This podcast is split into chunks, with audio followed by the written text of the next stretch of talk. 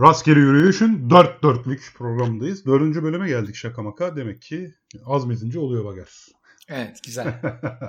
evet o zaman ben rastgele kelimemi daha erken seçiyorum bir kez. Tamam. Bastım. Yeterince rastgele değilmiş. Deri geldi. O yüzden bir daha Oo, bastım. çok ilginç. bir daha bastım. Site geldi. Hadi seninle ilk web sitesi deneyimlerimizi konuşalım. Oo. Çok iyi. İlk web sitesi. Ben başlayayım. Yani olur lütfen ya. Ben yıl, hatırlamaya yıl, yıl çalışacağım. 1998. Ben o zaman 13 yaşındayım. 13 İlk web sitesi yaptığın deneyim. mi? Evet evet. Ha. Yok 98 olmayabilir o zaman. Yok. 98 olmalı ya. Çünkü e, domain alacak param yoktu. Daha doğrusu Aha. bir kredi kartım bile yoktu. Daha doğrusu domainin nereden alınacağını bile henüz tam yani o registration olayını kavramamış olabilirim. GeoCities vardı hatırlar mısın? Yahoo'nun yan hizmetiydi. Geocities.com Aslında günümüzdeki Wix gibi bir şeydi. Evet evet yani geocities.com slash Tevfik Uyar diye bir mesela alan alabiliyordun. Ve ben böyle yazdığım zaman geocities.com slash Tevfik Uyar benim siteme gelebiliyordun. Ben de galiba o yüzden e, kendi ilçemizle ilgili yani Emirdağ, Afyon Emirdağlıyım ben.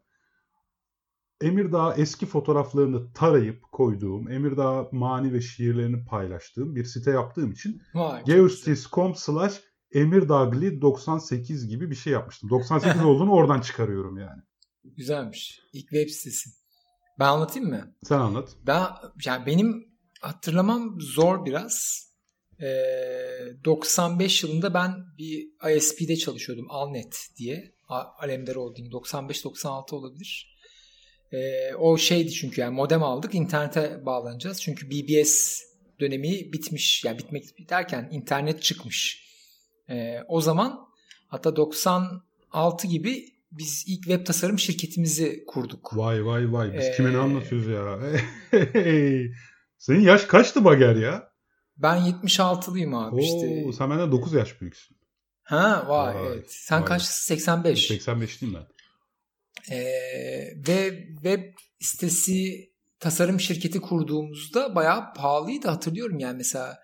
Ama web sitesi mi yapıyorduk? Bir interaktif CD için işe şey ihaleye girmiştik. 120 bin dolardı mesela bir Oy, interaktif oy, oy. CD'nin fiyatı. Web sitesi de atıyorum 20-30 bin dolar gibi bir şeydi. Yani inanılmaz paralar yapılıyordu o zamanlar. Çünkü kimse bu bilgiye hakim değildi. Yani örnek vereyim ISP'nin altyapısını kuran kişi işte bir konsolosun oğluydu falan. Çünkü kimse bilmiyordu. Çok az kişi biliyordu bu teknolojileri.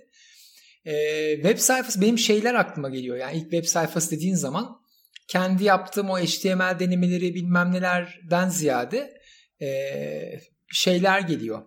Yani bu Netscape Navigator geliyor. İşte onlarla web'e girişimiz. Yani ben ilk web'e ne zaman girdim hatırlamıyorum ama Boğaziçi Üniversitesi'nin laboratuvarlarında girdim galiba. Hmm. Yani web sayfası. Netscape diye bir browser vardı. İnsanların Evet, bugün Netscape. belki de daha genç yaştaki arkadaşları tanımlamak gerekirse Aslında Mozilla ekolü yani oradan geliyor diye hatırlıyorum. Netscape Navigator, Firefox, Mozilla falan diye gitti. evet. Ve orada şeyler vardı. Ondan öncesi de var yani. Links falan var da Links'i artık kimse bilmiyordur. Yani o Links dediğimiz grafik tabanlı webden önceki web. Yani resim gösteremiyorsun ekranda. E, resmin olduğunu gösterebiliyorsun. Resmi indirebiliyor biri. Mesela hala Hmm. vardır. Mesela tab tuşuyla linkler arasında gezinebilirsin. Birçok Google tabii. gibi sitelerde çalışır. O aslında o dönemin şeyleri. Yani bir web sayfasına girerdin. Windows 3 bir zamanında fare kullanmak o kadar da şart değildi henüz. Her şey klavyeye göre tasarlanmış. Tabii. Tabii tabii tabii. Klavyede yapılabilir. Yani Mac, Mac biraz daha o konularda şeydi. Ön, öndeydi. Ee, fare kullanımına çok önem veriyordu. Hı hı. Ama Windows'ta hala klavye kullanımı çok çok yüksekti yani. Peki Baktığında. şimdi buradan o zaman felsefi bir alana atlayalım. Tamam.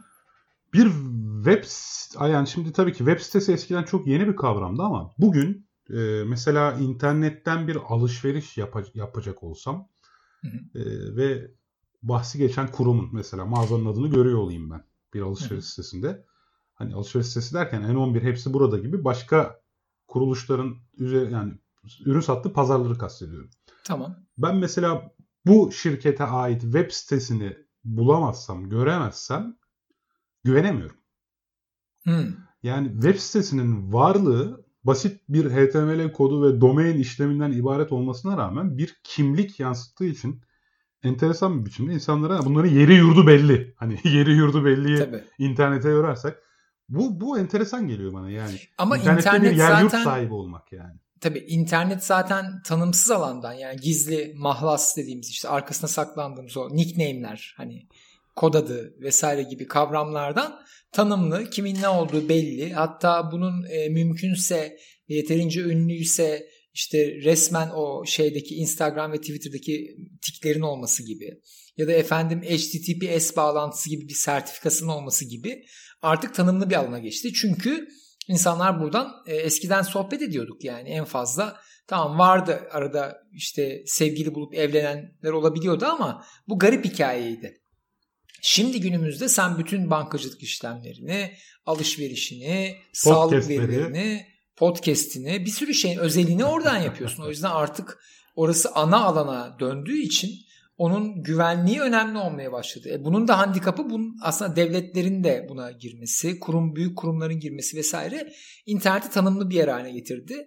Ama hala o gizliliğin verdiği bazı artılar var. Onları özlemiyor değiliz. Mesela gençlerin işte Snapchat gibi şeyleri kullanması ya da işte atıyorum eskiden 4chan'da yazılan her şeyin silinmesi falan gibi. Ya bu geçicilik de güzel bir şey. Eskiden IRC vardı hatırlarsın. Geçiciydi Evet, ve- yani öyle bir muhabbetin kalıcı olması gibi bir durum yoktu. Ya da Tabii tabii ama şimdi IRC'de loglar kaydedilebiliyordu server'a. Yani sen DCC chat yapmadığın sürece o karşıyla direkt iletişime geçmediğin sürece loglar kay- kayıt altına alınabiliyordu. Ama kimse bunlarla uğraşacak durumda falan değildi. Yani ben şey hatırlıyorum ya bir tane çocuk işte, şu an ünlü bir hacker'dı o zaman da işte yani bir Süper Online'ın bir, bir şey hacklemişti. Ee, polis gidiyor evine falan 13 yaşında çocuk böyle çocuk korkuyor falan böyle karakola gidiyor sonra boş ver deyip salıyorlar. Yani o kadar önemli bir şey değildi yani ve hackleme yöntemini de anlatayım çok komiktir çünkü. Ee, bu domain name'leri veren işte whois şey var registerer var ona mail atıyor diyor ki superonline.com benim diyor.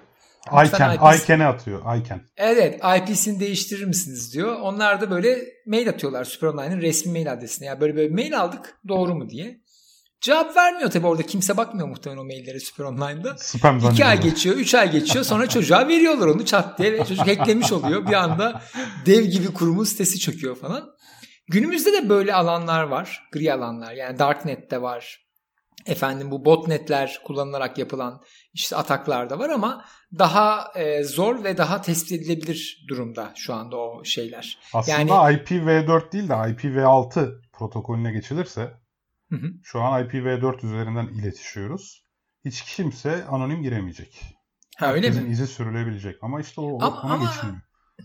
Bir tane şeyden bahsedeyim orada. Şimdi güvenlikle ilgili e, bir kavram vardır. Bir şey güvenli olması için ne yapmamız gerekir diye bir soru vardır hacker sistemlerinde. Yani bir sistemin güvenli olduğunu nasıl emin olabiliriz? Cevap da şöyledir. Diyelim senin 100 dolar var koruman gereken. Bunu öyle bir kasanın içine koyuyorsun ki kırmak o kasayı 120 dolar. O Ha. zaman ancak güvenlidir diyor sistem. Yani kırmanın yüzünden bedeli- pahalıya gelecek. Özeti bu. aynen öyle. Peki. Ama şimdi pratikte bir yere geçeyim mi orada? Çok çok Geç ilginç abi. bir konu bence o. Günümüzdeki e, ana sistemlerin güvenliği nasıl sağlanır? Yani bir sitenin ya da bir şeyin iletişimi. Mesela cep telefonu trafiği. Yani cep telefonu standartlarını belirleyen bir kurumsun sen mesela. Bunun güvenliğini nasıl belirleyeceksin yani? Çok ilginç bazı şeyler var. Mesela fiyat performansa bakıyorlar. Yani şu kadara kırılamasın. Şu cihaz olmadan kırılamasın. Hani o cihazı takip edebilelim. Abi risk öyle yönetilir zaten. Tabii tabii. Yani çok havacılıkta yani. da öyle yapıyoruz ki. Yani eğer o zaman işte herkese paraşüt verelim yolculara. Ha, evet aynen öyle. Veyahut uçakların iniş hattı işte Atatürk Havalimanı'ndayken bu Bakırköy üzerinden inerler biliyorsun. O zaman hani ola ki inişte uçak düşer diye tam iniş hattındaki bütün evleri kaldıralım. Hmm, evet. İşte ya o, ona gerek yok yani. Maksimum güvenlik o kadar para harcamaya aslında bunu duyanlar şok oluyor ama riskte insan hayatı neredeyse parayla ölçülür aslında. Evet ama zaten şeydir modern toplum şeydir. Mesela örnek vereyim. Gelişmiş toplumlarda sen yetişkin bir bireyi öldürdüğün zaman e, ya da genç bireyi atıyorum kaza eseri yani araba kazası oldu ve biri öldü. İsteyerek de yapmadın ama e, senin de suçun var. E, böyle bir durumda ödediğin bir devlete tazminat vardır bazı ülkelerde. Tabii tabii ya da bak onu daha somutlaştıralım. Türkiye'de Ha. de var. Birinin sakat kalmasına sebep oldun. Hmm, Adamın iş gücü kaybı hesaplanıyor. Bu Ha, adamın okey, yaşı bu. evet. Çalışsaydı işte 5600 gün daha çalışacaktı. Günlük şu kadardan bu adam mühendis. 5600 mühendis adam saatiyle vesaireyle falan çarpılıp tazminat öyle belirleniyor. Vay, çünkü evet. E, tabii o şeyle ilgili mesela ülkedeki insanın ne kadar değerli olduğunu da belirten bir Ya da şey bir mühendislerin yandan. ne kadar maaş aldığını. Evet. Çünkü ben şey biliyorum mesela bazı ülkelerde bu rakamlar yüksekken bazılarına düşük ve bunun arkasında yatan argümanlar var ve çok şey rahatsız edici argümanlar bu arada hepsi.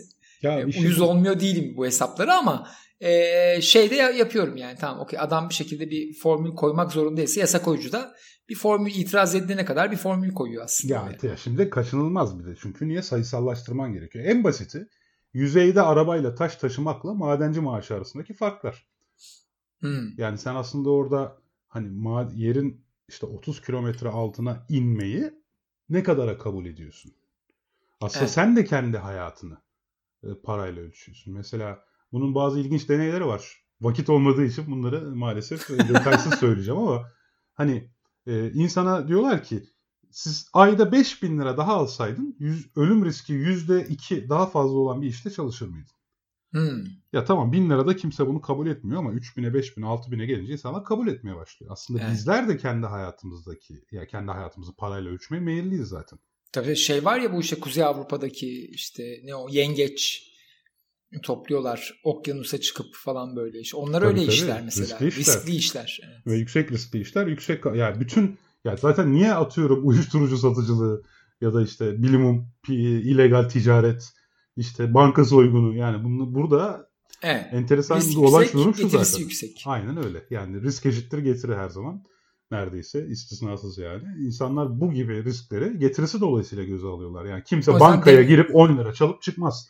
Yani devlet maaşları düşük kalacak diyorsun yani. Memur maaşları her zaman düşük mü Bir kalacak anlamda. diyorsun. Yani zaten insanların memuriyet Garanti gibi iş. rutin bir işi kabul etme sebepleri işten çıkarılma risklerinin düşük olması. Tabii tabii. Orada da aslında aynı hesap var yani.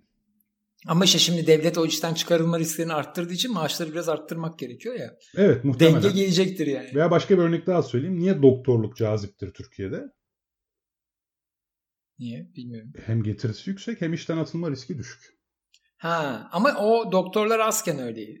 Şimdi doktorluk bölümleri artıyor özel üniversitelerden dolayı. Kalite düşüyor olabilir Bu vesaire durum ama biraz değişiyor doğru. Yani. hukuk, hukukta da aynısı olmaya başladı ya işte şu anda. Evet, yani. avukat enflasyonu, doktor enflasyonu. Evet, evet. Zaten enflasyon diye adlandırmamızın sebebi de belki de biraz bu. Evet, Evet, o. süremizi geçtik. Güzel Okey, konuştuk. süper. Harika oldu. Enteresan. Öncekilerden farklı bir sohbet oldu ama belki de böyle bir araya ihtiyaç vardı. Rastgele yürüyüşün e, daha nizami bir yürüyüşüne denk geldiniz bugün. Herkese iyi akşamlar o zaman. İyi akşamlar.